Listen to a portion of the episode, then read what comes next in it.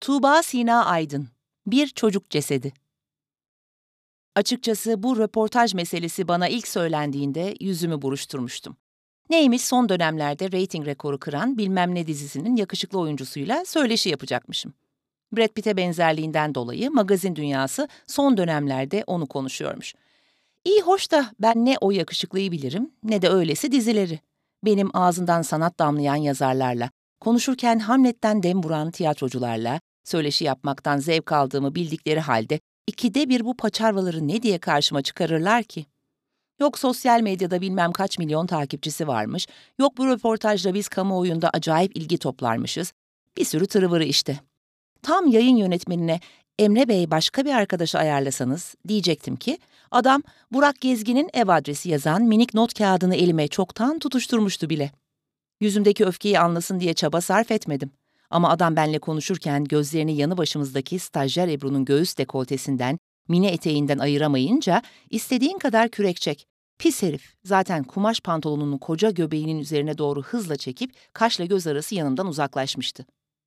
Allah aşkına onca işimin arasında olacak iş miydi şimdi? Baskıya yetişmesi gereken dünya kadar yazıyı mı dersin, salı günü gazete adına katılacağım o çok önemli toplantıyı mı? Hafta sonu dersen alışveriş, temizlik, Daha'nın maçı. Adam toplantı odasını terk ettikten sonra topuğumun ucuyla yanındaki çöp bidonuna bir tekme savurmuştum. Her zamanki melankoli kafası işte. Endişelenmeye gerek yoktu. Bir geldi mi on dakikadan fazla sürmezdi. Daha doğrusu sürdürmemem gerektiğini öğreneli çok olmuştu. Kafamı toplamış gibi yapıp iki dakikada muhteşem bir hafta sonu planı yaptım. Evin temizliğini falan unutacaktım. Yemekleri de bir dürüm ve ayranla geçiştirirsek iş tamamdı. Sabahları sırtım belim pert kalkacağımı bilsem de klavyenin üzerine kafamı koyarak uyumam şarttı. Dahan zaten yine telefon ve PlayStation oyunlarında olurdu. Bana maçın lafını mutlaka yapacaktı ama. Tam da dediğim gibi olmuştu. Hafta sonu öyle bir konsantre olmuştum ki uykuya gövde gösterisi yapan gözlerim, tıkır tıkır işleyen parmaklarım haricindeki her şey yok olup gitmişti. Bu iki buçuk gün boyunca Dahan habire yanıma gelip gidip bir şeyler anlatmıştı. Açıkçası dediklerinin yarısından daha da azını duyuyordum. Her geliş gidişinin sonunda salon kapısını şiddetli bir şekilde çarpıp odasına gittiğini hatırlıyorum. Anne, sana diyorum. Niye cevap vermiyorsun? Anne, yarınki halı saha maçımı izlemeye gelecek misin, gelmeyecek misin? Anne sen beni bırak, o klavyeyi evlat edin. Hem bak benim gibi masraflı da değil. Ne yaparsan yap, umrunda değil zaten. Hafta sonu yüzüme çarpılan yüzlerce kapı sesi de bitmişti, ben de bitmiştim. Neyse ki nihayetinde o tonla işi halledebilmiştim. Pazar gecesi yarı ölü olarak yatağa kendimi nasıl gömdüğümü hatırlamıyorum. Sabah nasıl hazırlanmıştım, Dahan'ı okula nasıl yolcu etmiştim bilmem ama saat tam 9.30'da Burak Gezgin'in evindeydim. Ev derken bir villa, yüksek güvenlikli lüks bir site ya da boğazı gören bir plaza dairesine gideceğimi umarken gele gele Sultan Gazi'nin kenar mahallelerinden birine gelmiştim. Adresi tekrar tekrar kontrol ettim. Kesin bir yanlışlık var desem de hakikaten navigasyonun beni getirdiği yer burasıydı. Üstelik evin zilinde adamın bizzat adı yazıyordu. İçine kapanık bir sarının tonunda boyanmış bu ahşap binanın içinde koskoca dizi yıldızının yaşıyor olmasını garipsedim mi? O an için evet. Fakat daha sonra karşılaştığım şeylerin yanında bu garipsemenin esamesi bile okunamazdı. Merdiven gıcırtılarının arasında buyur edilmiştim bu iki göz eve. İki gözlü, öyle olmasın öyleydi de sahibi sanki yüzlerce gözü misafir edecek kalp genişliğine sahipti. Burak'ın mütevaziliği ayrı, annesinin sarılışı candandı. Yanaklarıma bir anda rahmetli annem gibi Anadolu köyleri esintisinde öpücükler bırakmıştı bu kadın. Kısacık boyuna biraz mahlep, biraz tarçın kokan tombulca vücuduna ben de terle karışık deodorant kokusu bırakmıştım. Hemen elimden tutup burcu burcu doksanlar modası kokan misafir odasına geçtik. Odada azıcık modern bir şey gözüme çarptıysa eğer, o da televizyonun LCD olmasıydı. Gerçi onun üzerinde dahi dantel örtülerden birisini serili görünce gülümsememek elde değildi. Kapının dibindeki fıstık yeşili kadife berjere oturmuştum. Oturmamla birlikte hafiften berjerin içine gömülünce kadıncağızı bir telaş sarmıştı. Ay Şevval Hanım kusura bakmayın. Eski işte ne yaparsınız? Burak, Şevval ablanın arkasına bir kırlent getiriver. Rahatça otursun kadıncağız. Bir de sobaya az daha odun at. Hadi oğlum ben mutfaktayım. Çayı demleyeyim. Şevval abla olmuştum birden. Hem Burak gülümsedi hem ben.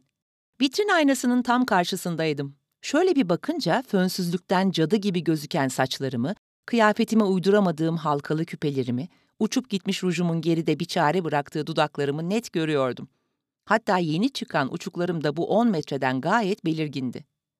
Bir şey daha vardı belirgin olan, oturduğum yerin arkasındaki duvarda asılı duran yaşlı bir adam resmi. Başlamadan önce Burak'la ilgili internette yaptığım detaylı araştırmayı zihnimde tekrar toparlamaya çalıştım. Mimar Sinan'ı bitirmiş. Master, doktora için 8-9 sene kadar İsviçre'de, Hollanda'da oyalanmış. Uluslararası birkaç sosyal proje için bilmem hangi ülkelere gitmiş, yurt dışından toplayıp getirdiği kısa film ödülü varmış, üç dil biliyormuş falan filan. Saatime baktım, oyalanmamak için kayıt cihazımın düğmesine bastım. Her zamanki kalıp sorumu sordum. Burak Gezgin, gençlerin ve tüm Türk toplumunun severek izlediği Aşk Tanrıçası dizisinde başarılı performansınızla göz dolduruyorsunuz. Sizi bu başarıya ulaştıran şey tam olarak nedir? Bize kısaca hayatınızdan bahsetmek ister misiniz? Sanırım o da biliyordu ilk olarak bu soruyu soracağımı. Önce birkaç saniye gülümseyerek gözlerini yerdeki bünyan halısının desenlerinde gezdirdi. Daha sonra kareli, mavi gömleğinin altından göğüs kafesinin bir anlık inip kalktığını gördüm. Kafasını kaldırdı, ardından da bakışlarını arkamdaki duvarda sabitledi. İşaret parmağıyla o yaşlı adam resmini gösterip, bir çocuk cesedi dedi. Ceset? Şaşırdım, donup kaldım. Fakat birkaç saniye içinde gazetecilik refleksimin etkisiyle hemen toparlandım. Besbelli Burak'ın şakaklarından gelip de kirli sakallarından aşağı inen terin anlatacağı çok şey vardı. Ayaklarımı sürüyerek geldiğim bu röportajdan bir ekmek çıkacak herhalde dedim içimden. Ne de olsa bizim meslekte böyle basit bir soruya kriminal cevaplar almak, baba bir haber geleceğinin müjdecisi demekti. Hay zıkkım olasıca meslek. Cesetlerden, paçavralıktan ekmek yedirirdi bize. Yaklaşık 20 dakika kadar zaman durmuştu. Burak konuştu, ben ve kayıt cihazı çıt çıkarmadan dinledik. Arada mutfaktan gelen tabak çanak sesleri, Burak'ın annesinin mırıldanışları kulaklarımıza gelse de bizler çoktan Burak'ın bizi götürdüğü o bambaşka aleme gitmiştik. Annem bu eve gelin gelmiş. Ben bu evde doğdum. 10-12 yaşıma kadar bu sokaklarda top oynadım, misket yuvarladım. Arkadaki boş arsaya atılan külüstür arabaların parçalarından kendime oyuncak yaptım. Babam hiç sevmezdi bu evi. Mahallenin gürültüsü patırtısı evin içinde derdi. Her kışın sonunda sobayı söküp evi badana etmekten bıkmıştı.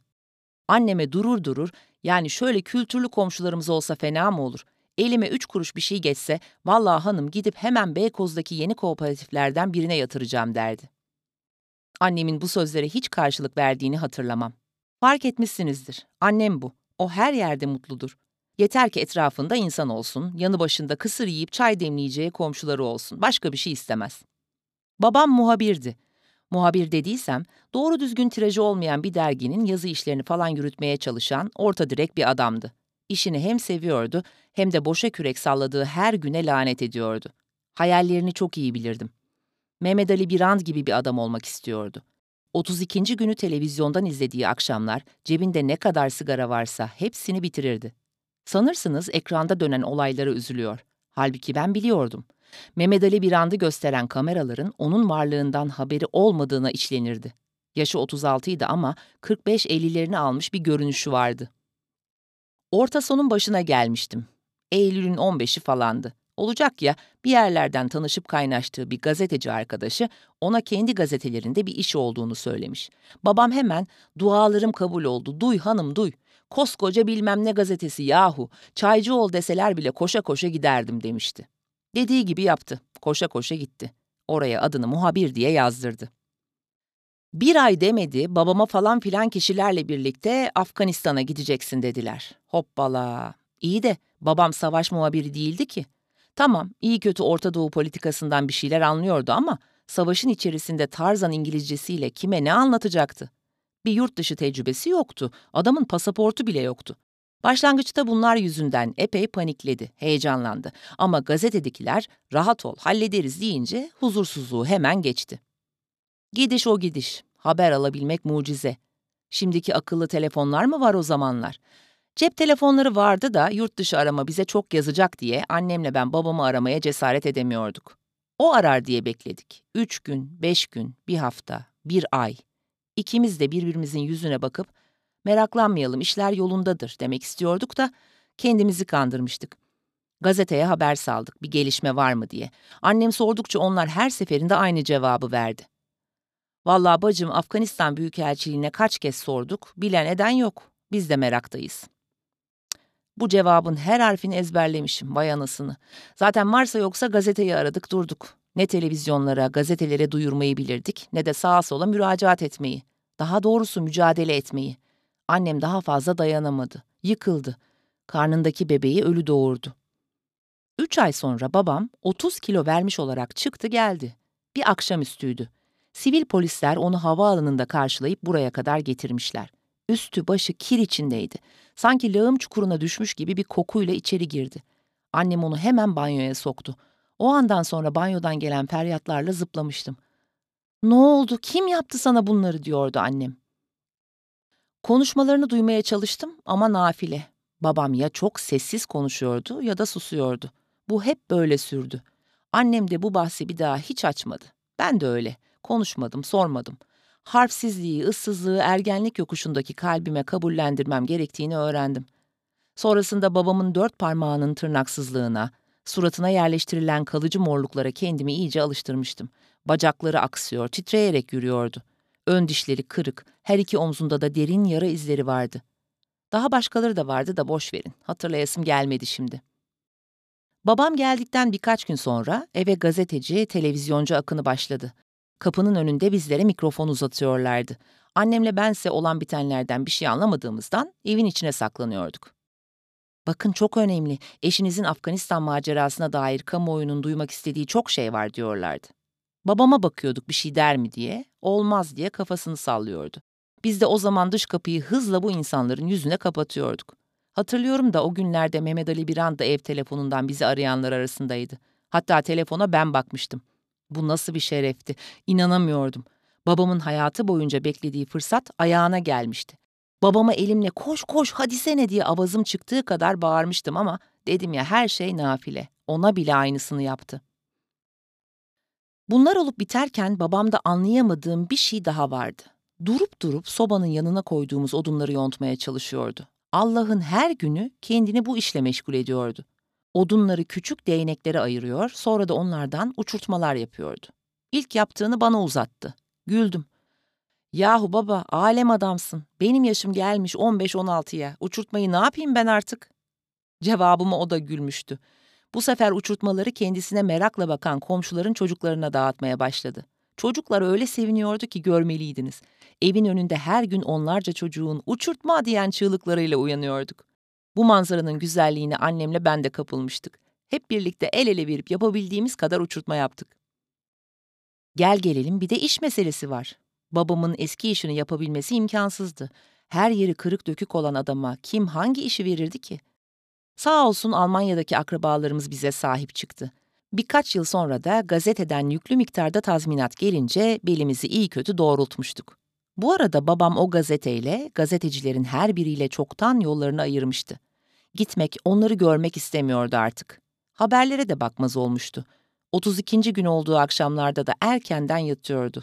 Tek derdi vardı, daha fazla uçurtma yapmak. Bir gün harpsizlik yeminini bozmuştum. Keyifli bir andı. Bana göre şimdi tam sırasıydı. Tüm cesaretimi toplayıp babamdan bir şeyler anlatmasını istemiştim. Tabii pat diye Afganistan falan demeden yavaş yavaş girdim konuya. Önce cevap vermek istemedi. Daha sonra üstü kapalı bir şeyler söyledi. Gerisini zihnimde ben tamamladım. Açıkçası Şevval Hanım, bürokratik detayları anlatıp okuyucularınızı sıkmak istemem. Bilirsiniz işte, orası Orta Doğu. Seni kaptıkları gibi her an içeri dışarı bir yerlere atabilirler. Babamı da atmışlar. Her tarafı insan pisliğiyle dolu bir hücreye. Aklınıza gelebilecek her türlü işkenceyi yapmışlar. Elektrikli sandalye, günde bilmem kaç saat dayak. Hele şunu söylemeye insanın dili varmıyor. Bilmem kaç defa makatına. Neyse. Babam hücrede yalnız değilmiş. Odada kendisinden önce konulan tazecik bir çocuk cesedi de varmış. Bir çocuk cesedi. Düşünebiliyor musunuz? Bir hücrenin içinde. İnsan o ölüye bakarken aklını da oynatabilir. Babamsa gecenin ayazında donmamak için o cesede sarılarak hayatta kalmaya çalışmış. Hücrede verilen incecik battaniyeyi hem kendine sarmış hem de bu nefessiz yavruya. Anlayacağınız fazlasıyla bağlanmış bu çocuğa. Gardiyanlar ne zaman odayı terk etse, babam ağzı burnu kan içinde koşarak bu çocuğa sarılırmış. Parmaklarını çocuğun saçlarında dolaştırır, kendince onu güzelleştirdiğini sanırmış. Çocuk erkek mi kız mı ondan bahsetmedi. Sanki ne fark eder ki? Çocuğun kırmızı puantiyeli bir kazağı, bir de yamalı pantolonu varmış. Bir gün merak etmiş, pantolon cebini karıştırmış. Karma karışık, solmuş, bitmiş bir uçurtma kuyruğuyla karşılaşmış. Babam bakmış, bileklerinde evirip çevirmiş. Uzun süre düşünmüş. Hücreyi gözleriyle taramış. Derisinin altından süngeri gözüken sandalyeyi, gardiyanların yerlere attığı izmaritleri, betonun üzerine gelişi güzel atılan naylonları, maşrapayı, yemek bulaşığındaki tabakları, tuvaletsizliği. Bunlardan bir uçurtma yapacağım demiş. Sonra ellerini hücrenin zaten kırık dökük olan kapı kirişlerine götürmüş. Dişleriyle o ahşabı bir güzel parçalamış. Bu esnada kendi ön dişlerini kırmayı başarmış. Derme çatma değnekleri böylelikle hazırlamış. Onları bir güzel üst üste yerleştirdikten sonra değnekleri bağlayacak şerit için tekrardan etrafı kolaçan etmiş. Gözleri çocuğa gitmiş. Onun üstüne başına, ayakkabısına bakmış ama yok ona kıyamamış. Bu sefer kendi çoraplarından birini çıkarıp söküvermiş hemen. Böylece değnekleri birleştiren ipi de bulmuş. Bu kısımda bitince geriye sadece uçurtmanın giysisi kalır ya hani. O mesele zaten en kolayı. Poşetleri boy boy yırtıp uygun şekilde birleştirince onu da halletmeyi başarmış. Eciş bücüş de olsa bir uçurtma yapabilmiş işte. Sonra da yaptığı o uçurtmayı çocuğun gittikçe moraran eline tutuşturmuş. Ancak insan şunları sormadan edemiyor. Babam o ölü çocuktan ne zaman ayrıldı? Onun cansız bedeninden çıkan kokulara ne kadar katlanabildi? Bunların hepsi muamma. Hiçbirinden bahsetmedi. Bürokratik bir sürü şeyden sonra onu bulabildik ya, çok şükür. Buraya geldikten sonra bir daha hiç yeni ev muhabbetini, konu komşunun kültürlüsünü, kültürsüzünü ağzına almadı. Cebinde biraz bir şeyler biriktirdikçe Edirne'ye, Şırnak'a, Kahramanmaraş'a bilmem nerelerin dağ köylerine gitti. Uçurtma götürmek için. O bu kadar çaba gösterince belediye başkanları da valiler de az biraz destek oldular. Bazı yerel basın kuruluşlarında babamın haberleri bile çıkmıştı. Hatta ödül falan da vermek istediler ama babam bu. Yine yaptı yapacağını. Açmadı kapıları, bakmadı telefonlara. Babam Anadolu köyleriyle yetinmeyip Afganistan'a da uçurtma göndermenin yollarını aradı. Fakat siz de bilirsiniz bu işler öyle kolay değil. O prosedürlerin aşaması bizim boyumuzu çoktan aşmıştı. Babam bu işe haddinden fazla üzülünce kalbi kısa zamanda zayıfladı. Allah rahmet eylesin, geçen kış onu kaybettik. Şevval Hanım, başarı falan diye sordunuz ya az önce. Benim için en büyük başarı nedir biliyor musunuz? Kurtlanmaya başlayan küçücük bir bedeni uçurtmayla doyurmaya çalışan bir adamın oğlu olmaktır. Hayatımda ne bir özel ders aldım ne de pahalı okullarda okudum. Kazandığım tüm yurt dışı burslarının, ödüllerin kaynağında merhametin pıhtılaşmadığı bir kalp vardır. Ben yıllar boyunca aklımı ve kalbimi o kalbe yasladım. Aa bir dakika. Yanlış bir şey mi söyledim? Şevval Hanım neden ağlıyorsunuz? Bir su getireyim hemen. Anne! Ay yetiştim Burak. Ne oldu? Ay, ay canınızı sıkmayın Şevval Hanım. Çay bu dökülür. Ben şimdi temizlerim halıyı. Siz yeter ki ağlamayın. Tüh vallahi bak görüyor musun oğlum? Eve gelen misafiri ağlatır olduk. Elimden düşürdüğüm çay bardağını eğilip yerden aldım, sehpaya koydum. Halının üzeri çay ıslağıydı. Ten çorabım, kot pantolonum da bu ıslaklıktan nasibini almıştı. Bana soran gözlerle bakan bu anne oğula bir şeyler açıklamak çok yerinde olacaktı. Önce öksürüp sesimi kontrol ettim. İçimi dökmeye niyetlenir gibi oldum. Yok, sonra vazgeçtim. Müsaade istedim. Röportaj bitti zaten dedim. Sonra her zamanki özel hayatınızda biri var mı? Sizi dizideki partnerinizle çok yakıştırıyorlar. Bu konuda ne söylemek istersiniz gibi saçma sapan sorulara bile sıra gelmemişti. Kapıdan çıkıp bağıra bağıra arabaya doğru ilerlediğimi hatırlıyorum. Bir elimle gözlerimden akanları silerken diğer elimle ilikleyemediğim montumun iki yaka ucunu tutuyordum. Sokaktaki herkes bana bakıyordu. Büyük ihtimalle Burak'la annesi de penceredeydiler. Arabaya binip hemen uzaklaşmak istiyordum. Anahtarı aradım. Ancak çantamı karıştırırken elim ister istemez telefona uzandı. Aldım elime onu, ezberimdeki o aptal numarayı uzun uzun çaldırdım. Açan olmayınca delirmiş gibi bağırarak şu sesli mesajı bıraktım. Benden buraya kadar. Emre Bey bırakıyorum. Anladınız mı? Benim işim bundan böyle sadece Dahan. Artık kıçınızdaki pantolonu kimin karşısında çekersiniz bilmem. Bir yandan da gözlerinizle Ebru'yu mıncıklamaya devam edin olur mu? Karınıza da benden selam söylemeyi unutmayın. Marşa basıp tam yol sürdüm arabayı. Hedefimde Sirkeci'deki o köhne çay bahçesinde sigara içmek vardı.